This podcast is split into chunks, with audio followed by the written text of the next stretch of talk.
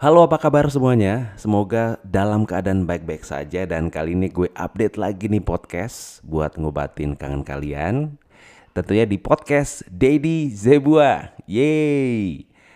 Nah seperti biasa kali ini gue bakal ngajak kalian jalan-jalan virtual. Kira-kira ke mana ya? Nah kali ini gue bakal ngajak kalian jalan-jalan ke salah satu bangunan yang paling terkenal di Jawa Tengah. Letaknya ada di Semarang. Kira-kira bangunan apa coba? Bisa nebak nggak? Ya, bener banget. Lawang Sewu. Kalau kalian mendengarkan nama Lawang Sewu, kira-kira apa yang ada di pikiran kalian? Nih, gua asumsikan nih ya, yang ada di pikiran kalian tuh yang pertama adalah gedung bersejarah yang memiliki banyak pintu. Yang kedua adalah bangunan ini milik PT Kereta Api Indonesia. Kemudian yang ketiga, urban legend yang ada di Lawang Sewu dan kalian pasti sudah tahu ya kira-kira urban legendnya itu apa. Karena memang dulu ya ada beberapa kali penampakan ya diduga hantu yang tertangkap kamera di Lawang Sewu. Jadi membuat gedung ini menjadi semakin terkenal dengan keangkerannya. Namun apakah seangker itu? Nah memang gue penasaran banget buat membuktikan kira-kira seperti apa sih keadaan Lawang Sewu saat ini. Karena memang gue pengen melihat dengan mata kepala sendiri nih. Apa sih yang ada di sana?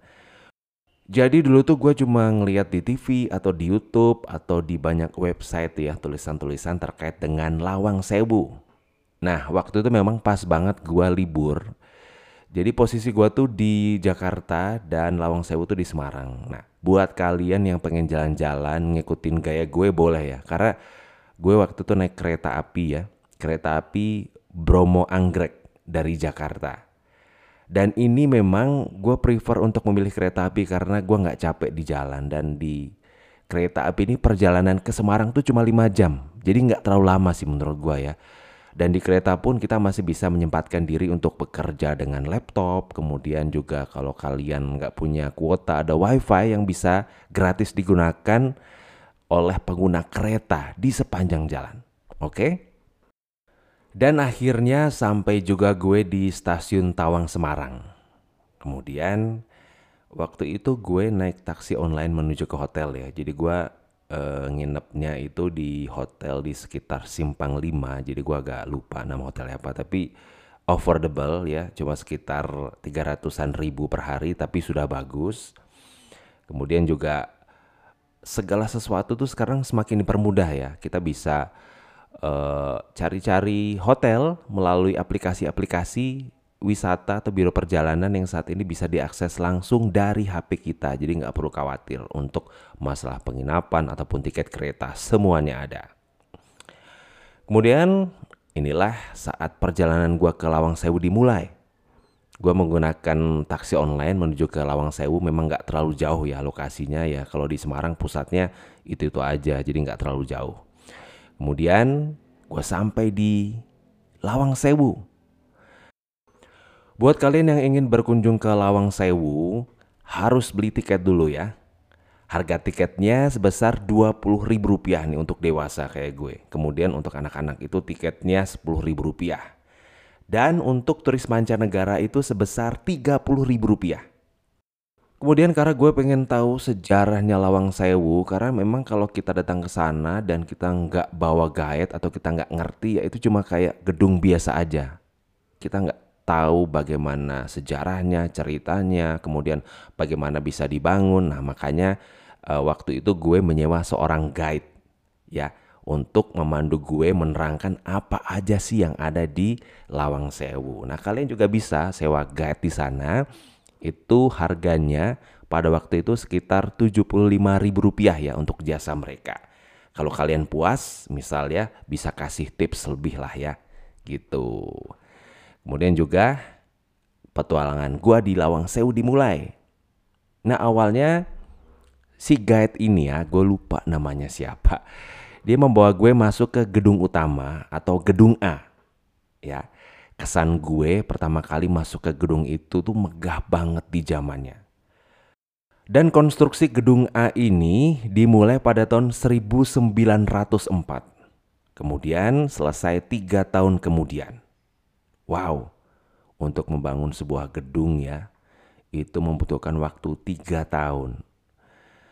Kemudian Lawang Sewu ini diarsiteki oleh Cosmas Citron dari firma yang dibentuk arsitek senior JF Kleinkammer dan BJ Ondak kemudian dirancang dalam gaya Hindia baru. Kemudian gue memasuki gedung A ini uh, guys. Kemudian memang lega banget ya. Karena memang kalau kalian tahu nih ciri khas bangunan kolonial Belanda. Itu memang atapnya tuh tinggi menjulang. Kemudian sesuai dengan namanya Lawang Sewu jendelanya itu banyak banget. Nah gue penasaran dong tanya ke guide-nya. Emang bener ya jumlah jendela di gedung ini berjumlah seribu sehingga namanya Lawang Sewu. Ternyata guys bener banget. Memang gak exactly seribu uh, jendela ya. Nah tapi jumlahnya itu sekitar uh, 900 hampir seribu gitu. Jadi memang sesuai dengan namanya Lawang Sewu. Kemudian juga gedung ini memiliki 429 pintu. Nah gue bertanya, kenapa ya sebuah gedung ini dibuat dengan sedemikian banyak pintu dan sedemikian banyak jendela? Ternyata memang dulu kan nggak ada AC ya, jadi fungsinya jendela, kemudian pintu yang banyak ini adalah untuk memberikan kesejukan atau sirkulasi udara yang baik untuk pekerja yang ada di sana. Masuk ke gedung utama atau gedung A ini ada lukisan kaca patri yang sangat indah apalagi kalau terkena sinar matahari ya. Dan ternyata setelah gua tanya, itu guide-nya menjelaskan bahwa itu adalah lukisan dua wanita, yaitu Dewi Fortuna dan Dewi Venus. Katanya sih, ini merupakan lambang keberuntungan bagi orang Belanda yang pada saat itu bekerja di Lawang Sewu dan menjajah Indonesia. Kira-kira gitulah ya kata guide-nya. Kemudian di situ juga ada kasir yang digunakan untuk membayar pegawai yang bekerja pada saat itu ya. Jadi kasir itu berbentuk ya seperti kasir, kemudian ada brankasnya yang terbuat dari besi baja. Jadi ini benar-benar kuat dan masih real. Kasir dari besi baja yang asli dari zaman dulu. Dan penggunaan besi baja ini mungkin untuk menghindari perampokan ya atau pencurian uang, makanya dibuatlah sesuatu yang kuat. Kemudian di situ juga kalau kalian melihat langsung di sana ada brankas ya yang masih asli juga terbuat dari besi baja.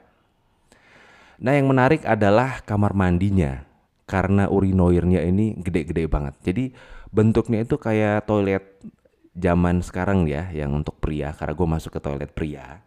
Nah, tapi urinornya itu gede ke bawah gede banget. Apakah mungkin karena memang orang Belanda itu gede-gede ya, jadi urinoirnya itu juga tinggi dan gede banget gitu dan itu masih asli dari Belanda karena memang segala sesuatu yang ada di gedung A itu diimpor dari luar negeri. Kalau nggak dari Belanda, kemudian marmernya juga dari Italia. Jadi ya semuanya itu nggak ada yang asli Indonesia bahan bangunannya ya. Kemudian juga masih banyak banget peninggalan foto-foto lawang sewu zaman dahulu. Ada juga seragam pegawai. Kemudian yang menarik nih ada tiket kereta, mesin ketik dan masih banyak lagi. Nah itulah megahnya gedung A. Jadi kebayang ya megahnya seperti apa. Dan gedung A ini ternyata menurut kata guide-nya ya bukan kata gue pada saat itu memang hanya diperbolehkan orang-orang dari Belanda yang berkantor di situ. Jadi orang pribumi atau orang asli Indonesia saat itu nggak boleh masuk karena mereka dibangunkan gedung sendiri yang ada di sampingnya. Nah itu namanya Gedung B.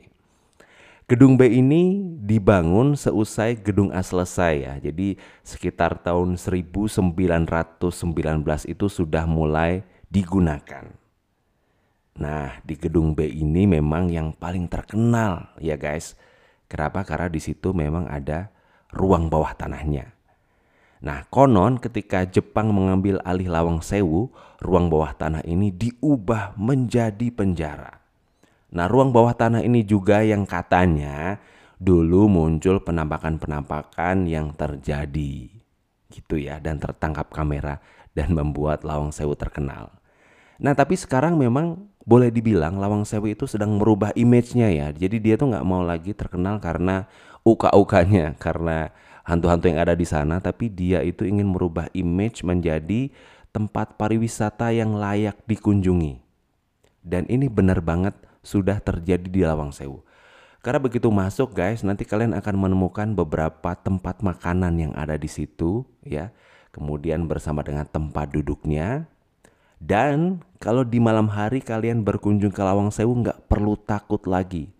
Karena di sini memang sudah didesain permainan cahaya yang sangat memanjakan pengunjung. Jadi benar-benar nuansanya itu dibawa ke abad ke-19 awal ya. Pada saat gedung itu mulai dibangun. Jadi udah nggak ada nuansa-nuansa ngeri lagi. Kecuali memang kalian sendirian ke ruang bawah tanah yang sekarang sudah ditutup ya. Nggak boleh dimasuki oleh umum. Nah itu mungkin ya. Baru terjadi sesuatu yang gua nggak tahu juga gitu. Nah Kemudian kalau kalian tertarik untuk menggelar event di sana, menggelar sebuah kegiatan itu ada ya dan bisa. Nah, di situ ada kantor dari pengelolanya yang bisa kalian datangi dan kalian janjianlah untuk membuat event di situ. Nah, itu guys, pengalaman gue berkunjung ke Lawang Sewu dan ternyata memang tidak hanya sebaik sebagus yang gue lihat di TV, kemudian di YouTube ya atau di website dengan cerita-ceritanya, tapi ketika gua datang ke sana memang gua melihat dengan mata kepala sendiri bagaimana megahnya bangunan tersebut. Dan kebayang dong, itu bangunan sudah ada sejak abad ke-19. Luar biasa. Dan sampai sekarang memang harus dilestarikan ya, karena itu merupakan salah satu heritage yang harus kita jaga bersama-sama. Oke gitu dulu guys, jalan-jalan gua ke Lawang Sewu, gimana seru nggak? Nah, kalau seru ikutin terus podcast gue di Zebua ya. Karena gue bakal ngajak kalian jalan-jalan virtual lagi, tentunya di tempat wisata lain yang lebih menyenangkan. Gue Deddy Zebua, sampai jumpa di podcast Deddy Zebua selanjutnya. Sampai jumpa.